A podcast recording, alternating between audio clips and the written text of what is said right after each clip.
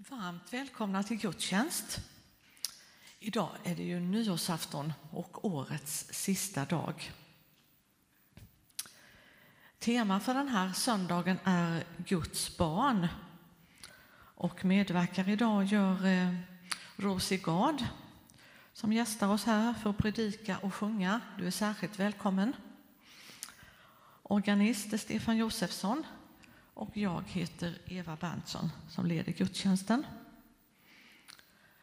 Efter gudstjänsten så är ni välkomna på kyrkfika. Imorgon är det ju nyårsdagen och då klockan 16 så är det nattvardsandakt. Ulrika Johansson medverkar. Och eh, på lördag så är det församlingens julfest klockan 4, klockan 16. Och det är anmälan, så det kan man göra på Eh, informationsdisken finns en lista. Nästa söndag så samlas vi till gudstjänst igen och då är det Ulrika Johansson som predikar. Och nästa söndag kväll klockan 17 så är det bön för Tabergsådalen och det är i Ekumeniakyrkan i Hovslätt.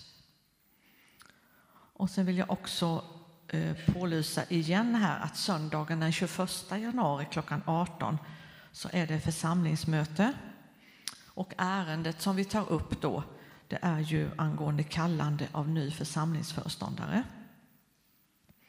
Så välkomna på de här samlingarna. Årets sista dag. Då gör man ju kanske en summering av året som har gått. 2023 har ju varit ett händelserikt år och ett ganska mörkt år en utveckling i samhället och i världen som vi inte kunde drömma om och tro att det kunde inträffa. Och det är ju verkligheten. Men, skulle jag vilja säga med stora bokstäver, jag tror att vi verkligen behöver fokusera på hoppet och på ljuset. För som troende och kyrka har vi ju ett hopp i Jesus Kristus. Att vara ett Guds barn är en trygghet och ett hopp. Och vi har mycket också att vara tacksamma för. Vi hoppas att det här kommer att prägla vår gudstjänst. Känn dig varmt välkommen. Nu sjunger vi psalm 115 och Betlehem du lilla stad. Och medan vi sjunger så tar vi också upp kollekt och det går till församlingens verksamhet. Och du har möjlighet att swisha, numret kommer upp på skärmen. Eller kan du lägga kontanter när du går ut. Så då sjunger vi.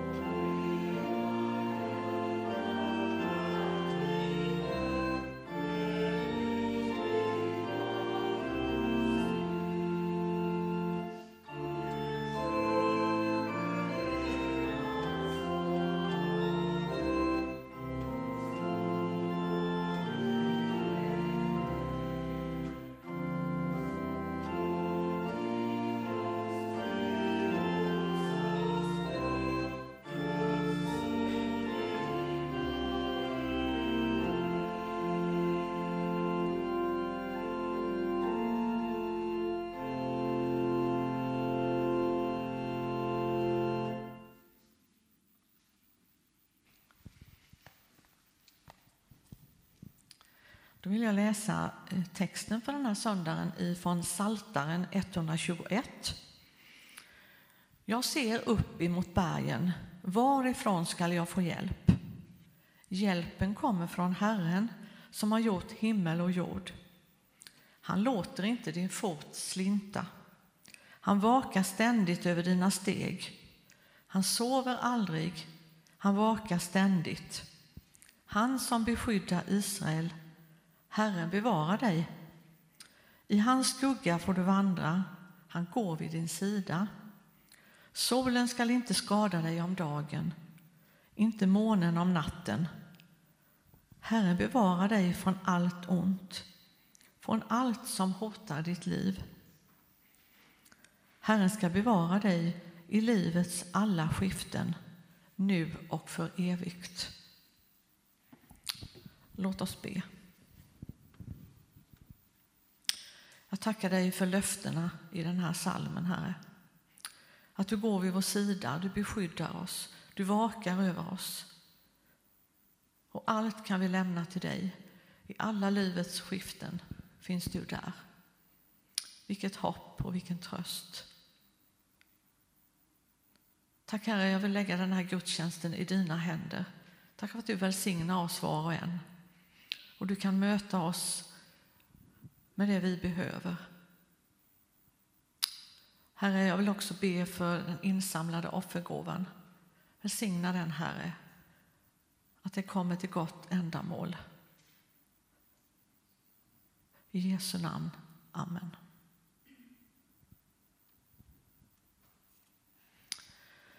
Och så sjunger vi den här sången Tänk att få vara ett Guds barn.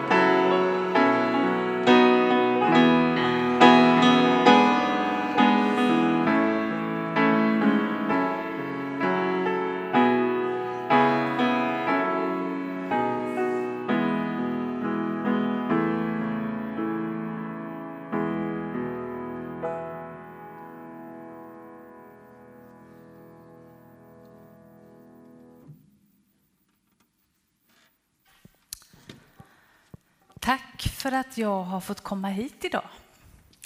Så fint att vara med er här i Tabergs Missionskyrka. Rosigard heter jag. Och är det någon som känner igen det där efternamnet, vet någon kanske i närheten som heter så, så är det förmodligen en släkting till mig. Eh, för Gard är ett släktnamn på min pappas sida. Jag eh, bor på Gräshagen i Jönköping tillsammans med min man Rolf. Nu på vinterhalvåret och på sommarhalvåret bor vi i ett litet torp ute i Skärstadalen. Och eh, vi är medlemmar i Ekumeniakyrkan i Kaxholmen.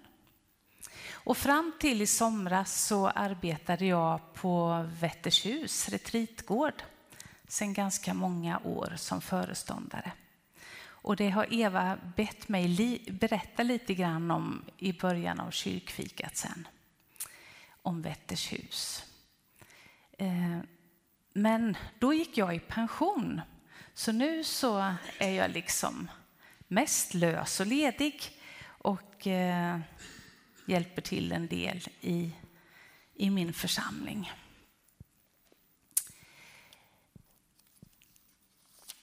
Då vet ni lite vem jag är.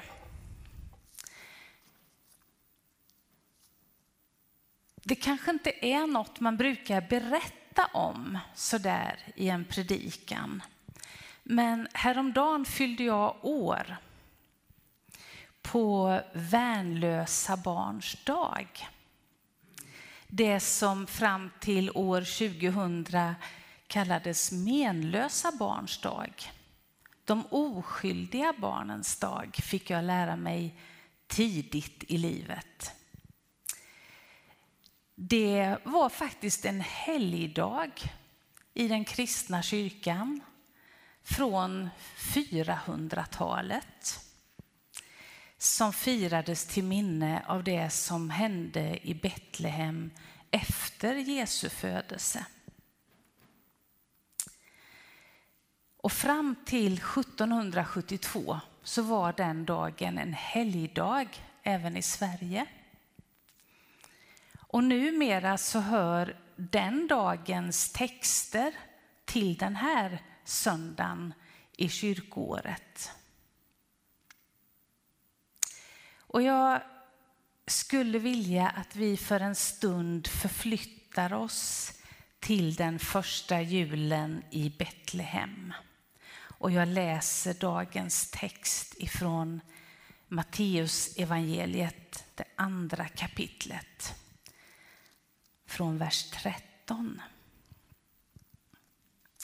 När de österländska stjärntydarna hade gett sig av från stallet så visade sig Herrens ängel i en dröm för Josef och sa Stig upp och ta med dig barnet och hans mor och fly till Egypten och stanna där tills jag säger till dig. Ty Herodes kommer att söka efter barnet för att döda det.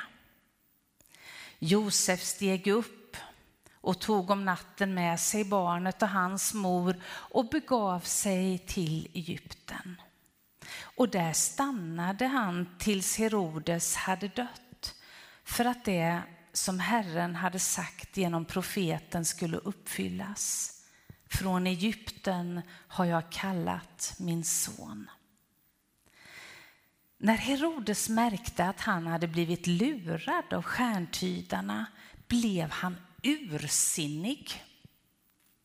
Och han lät döda alla gossar i Betlehem och dess omnejd som var två år eller därunder. Det var den tid han hade fått fram genom att fråga ut stjärntydarna. Då uppfylldes det som hade sagts genom profeten Jeremia. Rop hörs i Rama, det är ju Betlehem. Gråt och högljudd klagan. Rakel begråter sina barn. Hon låter inte trösta sig, ty de finns inte mer.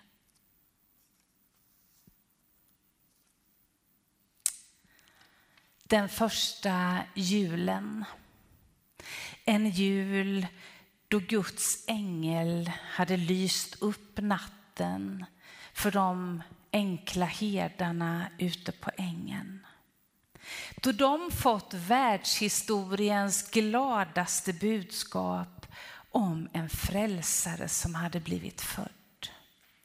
De har fått höra en fantastisk änglakör sjunga in den första julens glädje. En sång om frid och fred till alla människor. Det är en jul då stjärnan har lyst över stallet. Där det nyfödda gudabarnet Jesus har fötts. Stjärnan som visat vägen för de österländska stjärntydarna. De vise männen som vi brukar kalla dem. De som har rest så lång väg för att finna den nyfödde kung som de letat efter på sin dramatiska resa. Men det är också en jul då kung Herodes i sin maktfullkomlighet försöker lura de där vise männen att komma tillbaka till Jerusalem och berätta när de har funnit judarnas nyfödda kung. När han inser att han har blivit överlistad och att stjärntydarna inte kommer tillbaka blir han ursinnig. Det står ju faktiskt så. Han blir ursinnig och bestämmer sig för att skicka sina soldater till Betlehem för att göra slut på alla små gossebarn som är under två år. Den första julen blev otroligt dramatisk och inte så sockersöt som våra vackra julkrubbor ofta ger sken av. Den här julen, 2023, har det varit tomt i Betlehem. Inga turister som har köat i timmar för att komma fram till stjärnan i grottans golv djupt ner i födelsekyrkan. Inget julpynt som har prytt stadens gator och torg. Inga julkrubbor som har sålts. Det har varit en jul i sorg över alla de som har fått sätta livet till i konflikten mellan Hamas och Israel. Sorg över alla som fått fly och som flyr gång på gång undan bombningar och våld. Det finns helt klart tydliga paralleller mellan dåtid och nutid. Ändå är den här söndagens evangelietext hoppfull, som du efterlyste, Eva. Ett hopp om att Gud finns med trots allt våld och ursinne, vansinne i vår värld. Blunda gärna och försök att med din fantasi se framför dig hur Jesusbarnet och hans mor Maria, hans jordiske far Josef sover där lugnt i nattens timmar.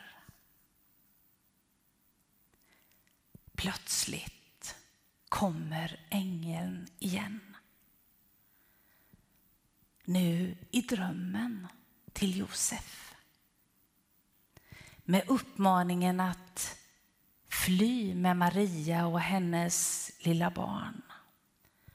Fly för att rädda Jesusbarnets liv. Kan du se hur Josef vaknar upp ur drömmen? väcker Maria och berättar att de måste ge sig iväg för att komma undan den där ursinnige och galne kung Herodes. Kan du känna atmosfären där? Oron i den lilla familjen. Hör du hur Maria tröstar sitt barn som vaknar upp ur sömnen.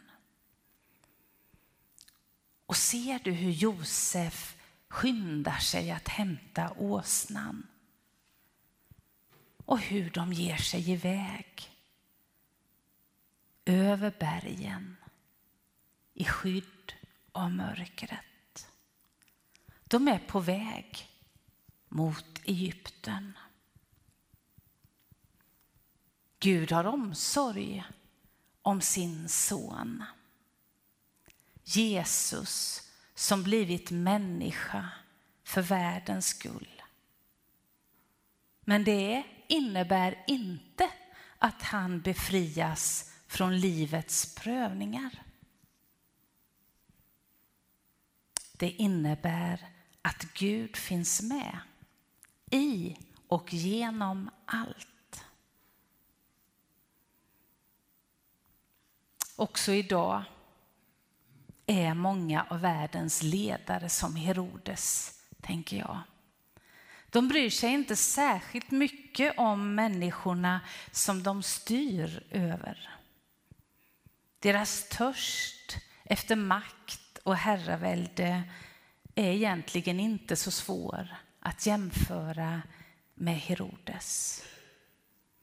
Och vi är nog många som ibland undrar och funderar över vart världen är på väg.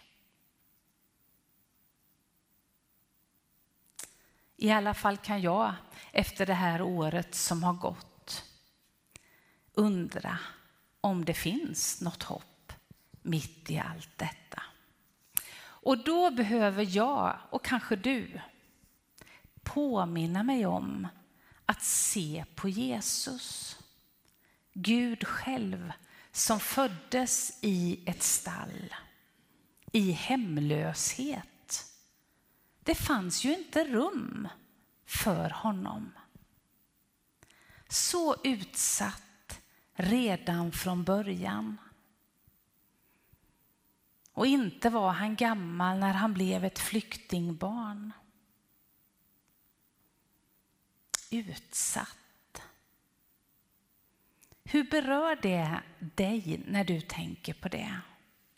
På vilket sätt påverkar det din relation till Jesus? Att han från sin första dag i livet var så utsatt och utlämnad på alla sätt. Om Jesus, som också är Gud, vet allt om vad utsatthet är, oavsett vad den består i. Vad gör det med dig? Och det du kan uppleva som utsatthet i ditt liv.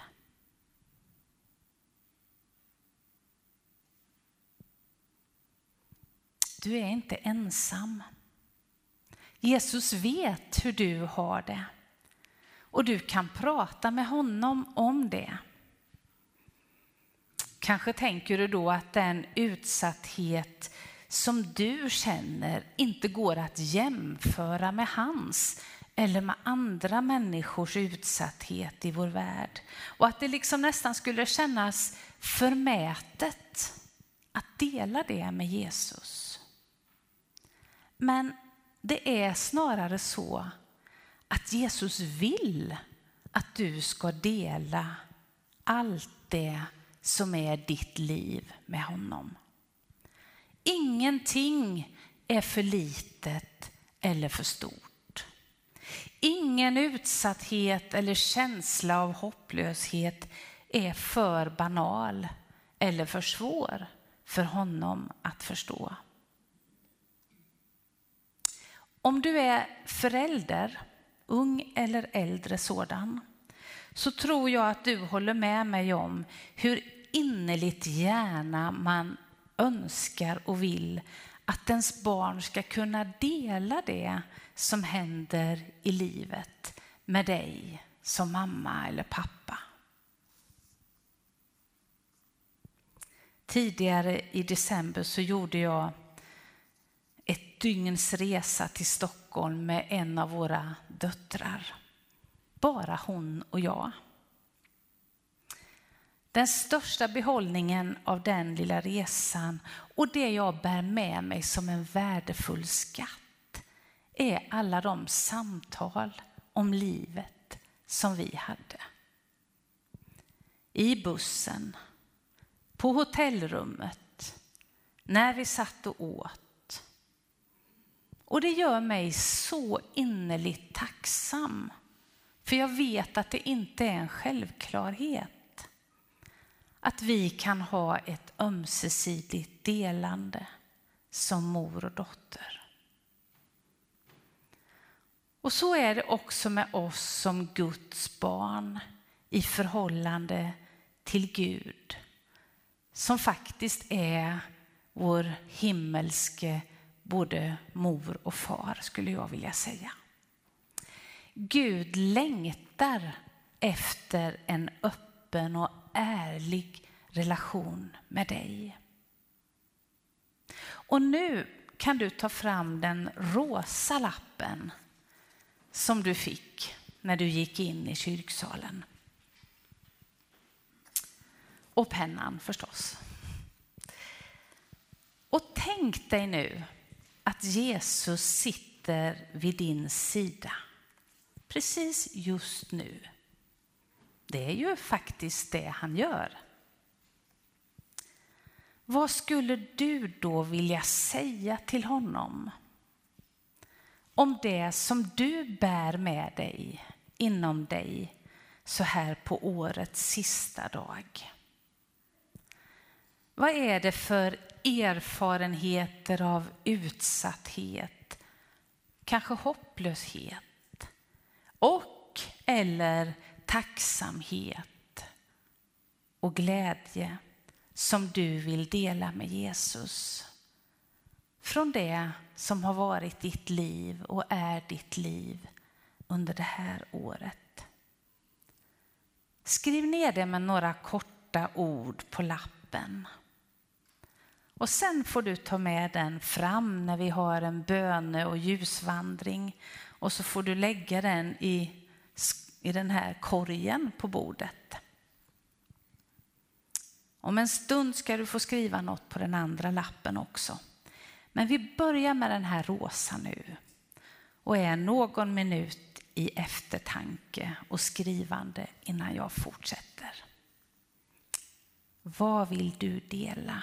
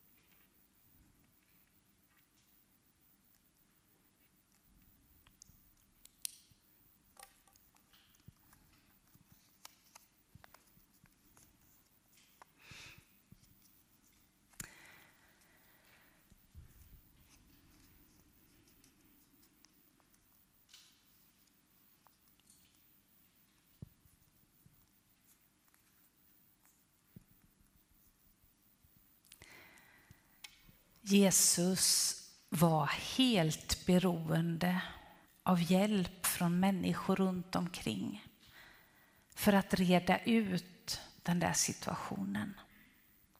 Så utlämnad. Maria och Josef bar och skyddade honom och Gud sände en ängel för att tala med Josef i drömmen. Både när de fick fly och när de kunde återvända hem till sitt land. Vi är också beroende av andra. Men är vi beredda att ta emot den där hjälpen?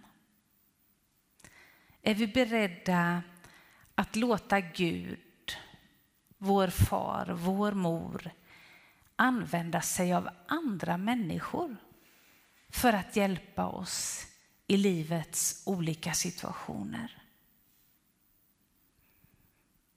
Ibland har jag en känsla av att det är ganska svårt för många av oss att ta emot hjälp.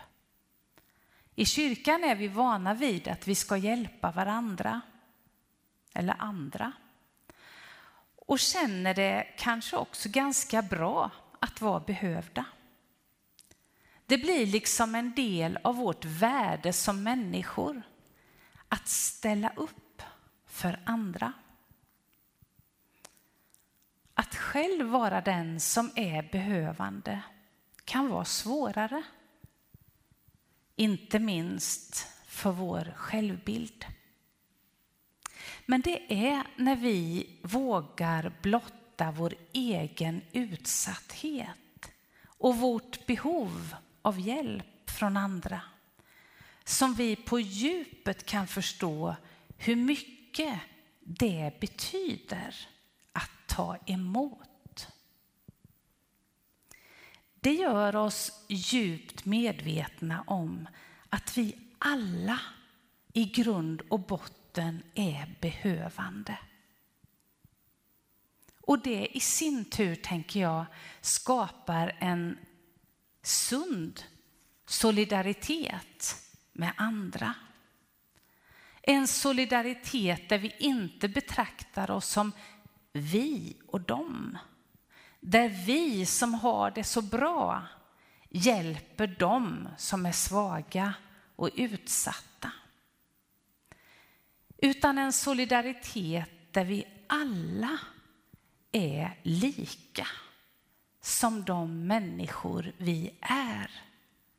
Ett jämlikt och ömsesidigt givande och tagande av hjälp.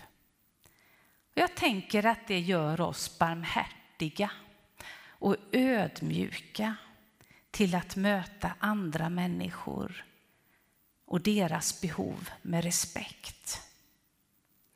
För det är ju verkligen så att andra, de som vi har runt omkring oss, nära och långt bort och som är utsatta på olika sätt, behöver din och min hjälp.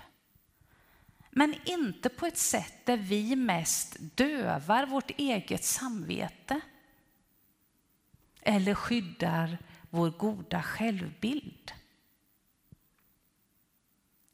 Jag hörde dagarna före jul på nyheterna att svenska folket har blivit mindre benägna att ge pengar till välgörenhet. Kanske hörde du det också. 2017 hade 73 procent av Sveriges befolkning uppgett att de gav till välgörande ändamål. 2023 är den nere på 57,5 procent i landet i stort. Men så kändes det ju ändå lite skönt att höra att vi i Jönköpings län ändå ligger lite bättre till. Vi är näst bäst i landet med 62,1 procent. Men kan vi verkligen slå oss till ro med det? Får det kosta oss något att vara till hjälp? Och då tänker jag inte i första hand på pengar, även om det också är viktigt och bra. På vilket sätt får vår omsorg om andra kosta tid, närvaro och barmhärtighet? Vi har ju alla olika förutsättningar och jag vill inte lägga någon mall som du ska känna dig intryckt i. Men jag önskar att vi skulle drivas lite mer av hjärtat i den här frågan. Det handlar om människor som är älskade av Gud. Det handlar inte om våra pengar och att vi blir duktiga när vi ger. Det är så lätt att vi i allt som händer runt omkring oss blir avtrubbade också i den här tiden som du Eva nämnde om. Avtrubbade när det gäller människors utsatthet på olika sätt. Inte minst i våld och konflikter. Och inte heller i skapelsens utsatthet. Vi blir liksom avtrubbade när vi hör om alla klimatförändringar. Vi orkar liksom inte ta in allt som händer. Jag var på bio häromkvällen. Det var en present jag fick på min födelsedag. Och då såg vi filmen Hammarskjöld. Den blev för mig en påminnelse om alla utsatta och värnlösa människor i vår värld. Ni vet ju säkert, alla kanske, att Dag Hammarskjöld var FNs generalsekreterare 1953 till 61. Och för övrigt så bodde han ju faktiskt i Jönköping tidigt i sitt liv. Det som blev en konflikt mellan honom och olika länders företrädare, maktens män, var att han aldrig tillät sig att bli avtrubbad. Att han alltid i första hand såg som sitt uppdrag att arbeta för icke-våld, för fred och frihet för de människor som inte hade makten. Till exempel i de afrikanska länderna.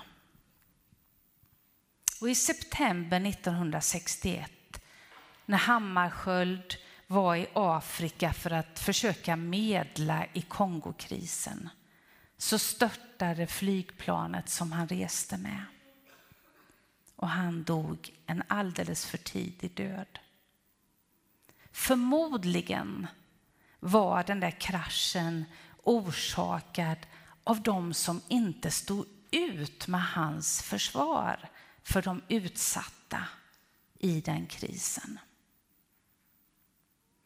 Efter hans död så hittade man ett manuskript på hans privata rum med den lyrik han hade skrivit under livet och allra mest under åren i FN. Den blev ju till boken Vägmärken.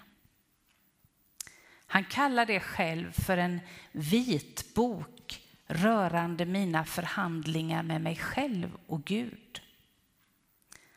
Och I den här lilla boken så får man en inblick i hans syn på livet och på efterföljelsens väg.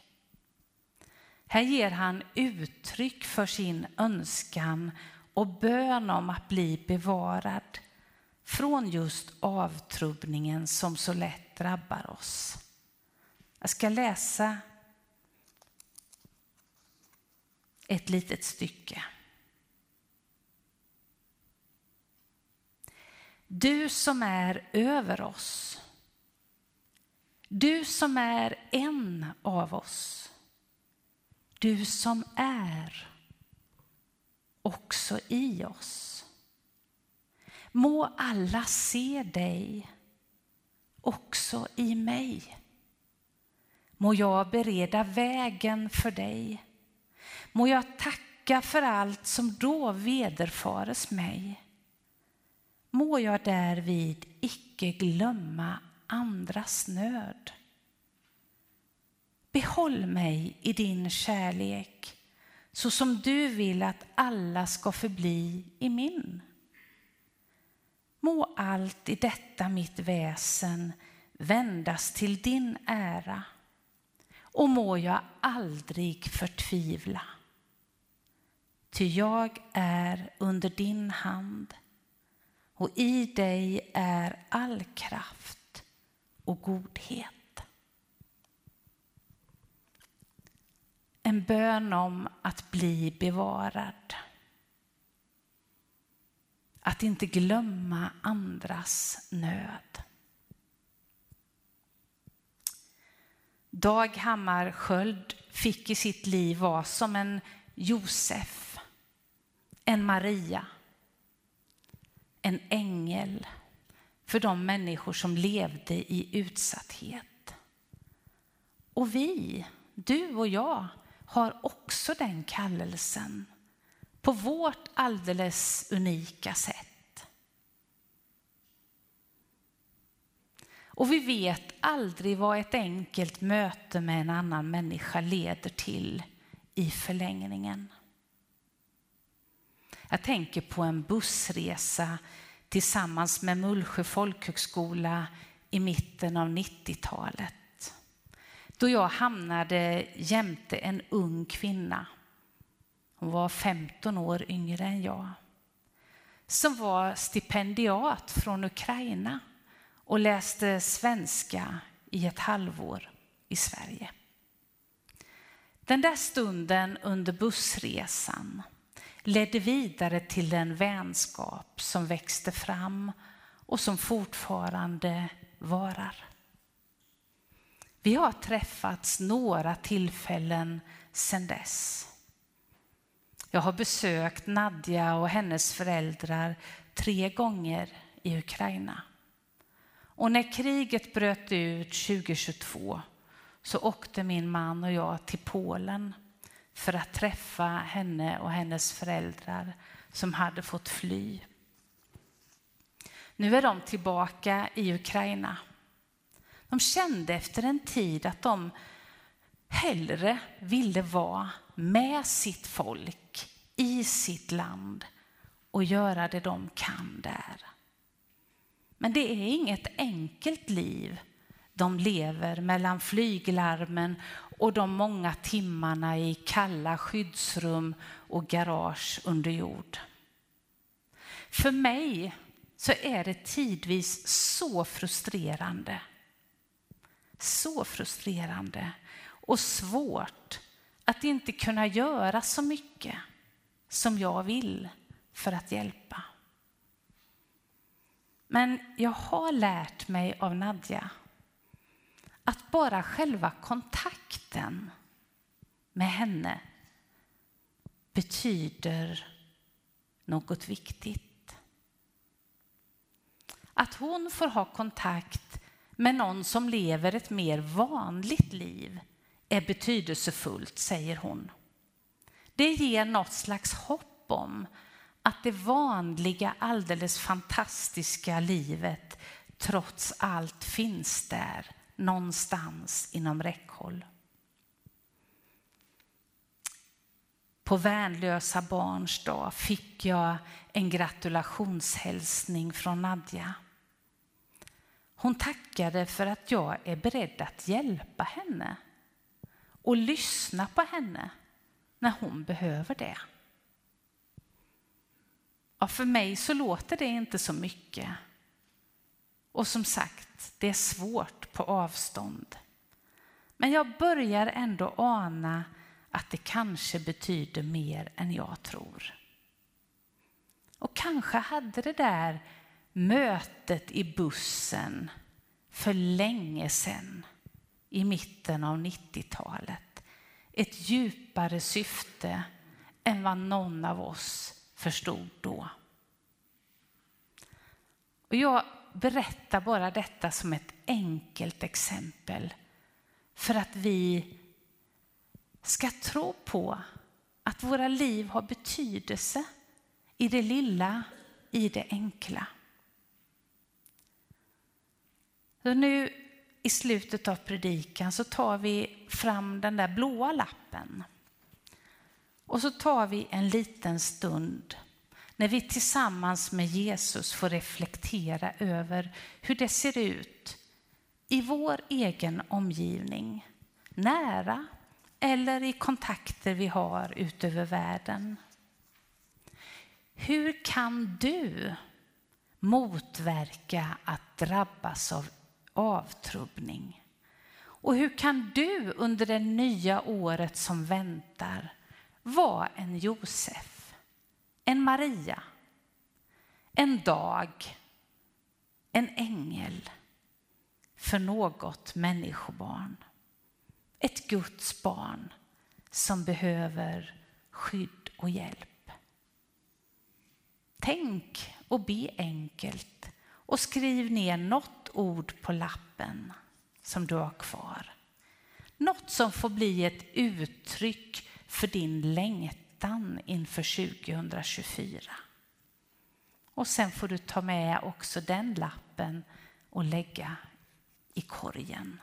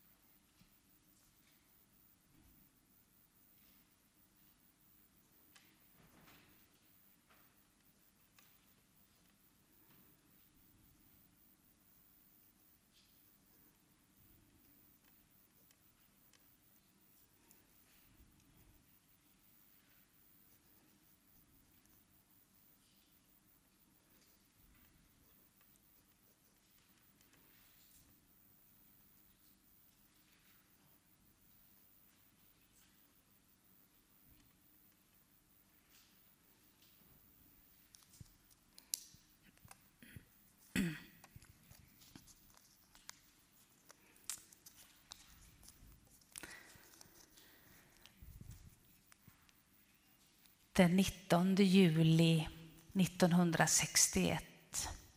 Mitt under Kongokrisen och bara ett par månader innan sin död så skriver Dag Hammarskjöld en bön som jag vill be som avslutning på min predikan. Och som kanske kan vara en bön för dig att ta med in i det nya året. Bönen finns på lappar vid utgången så du kan ta en när du går ut. Och när jag har läst den så kommer jag att sjunga en sång. Barn och stjärnor. Vi ber. Förbarma dig över oss Förbarma dig över vår strävan att vi inför dig i kärlek och tro, rättfärdighet och ödmjukhet må följa dig. I självtukt och trohet och mod och möta dig i stillhet. Giv oss ett rent sinne att vi må se dig. Ett ödmjukt sinne att vi må höra dig. Ett kärlekens sinne att vi må tjäna dig. Ett trons sinne att vi må leva dig. Du som jag ej känner men tillhör. Du som jag ej förstår, men som vikt mig åt mitt öde. Du. Amen.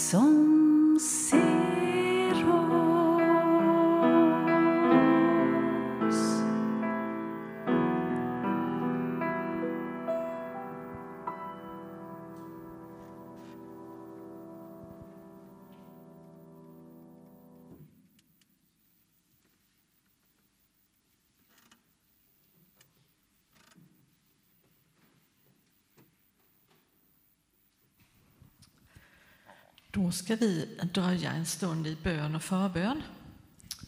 Och du har möjlighet att gå fram och tända ett ljus och likaså att lämna dina bönelappar i korgen här.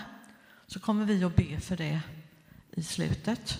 Vi läser inte någonting utan vi ber för alla bönerna som är skrivna på lapparna.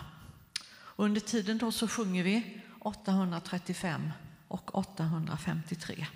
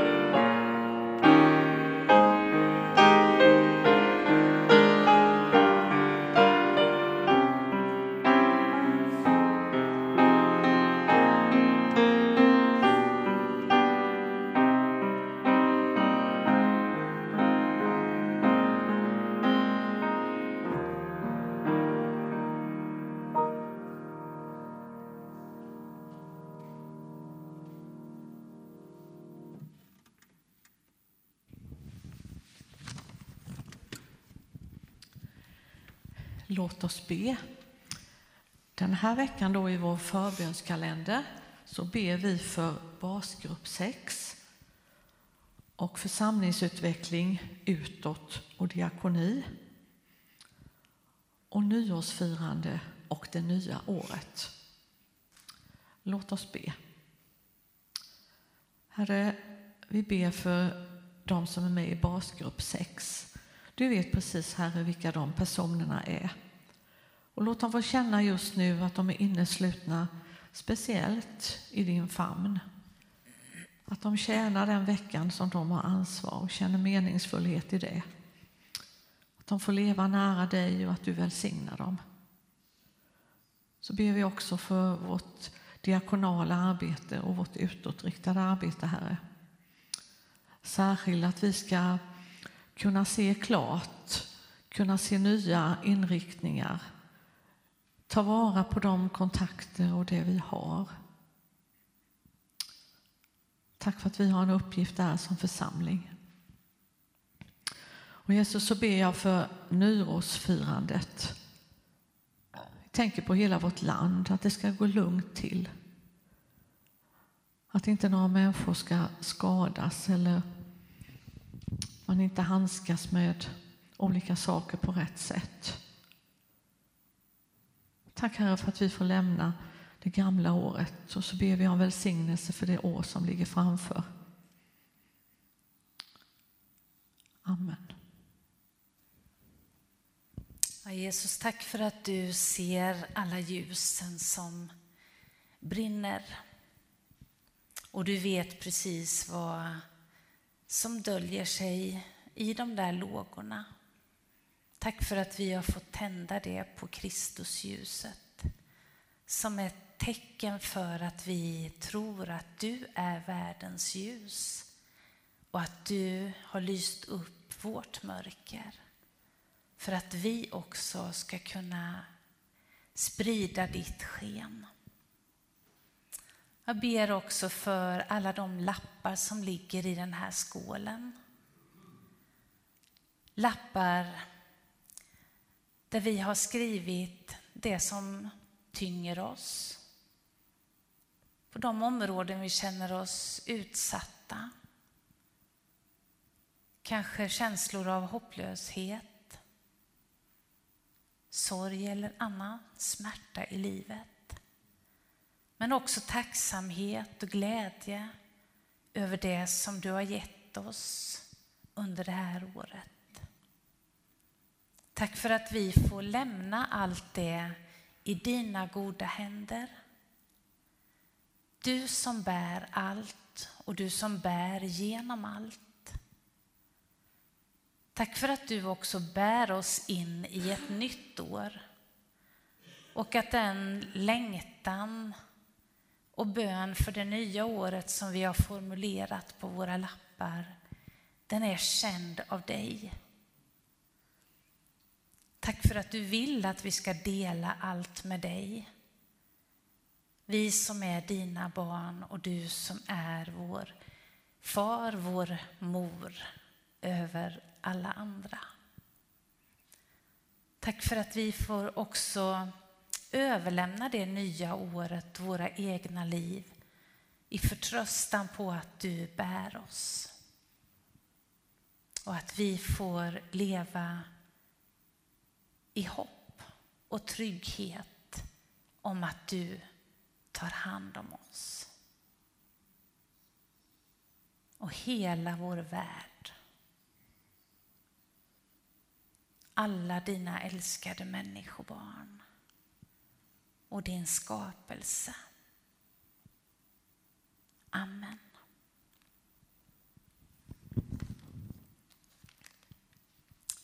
Så får vi stå upp och ta emot Herrens välsignelse. Herrens välsignelse för allt det som är ditt liv och det som kommer. Herren välsignar dig och beskyddar dig. Herren låter sitt ansikte lysa mot dig och visar dig nåd. Herren vänder sitt ansikte till dig och ger dig sin frid och sin fred. I Faderns och Sonens och den heliga Andens namn. Amen. Så sjunger vi psalm 194. Och sen får vi höra ett spännande postludium. Ja.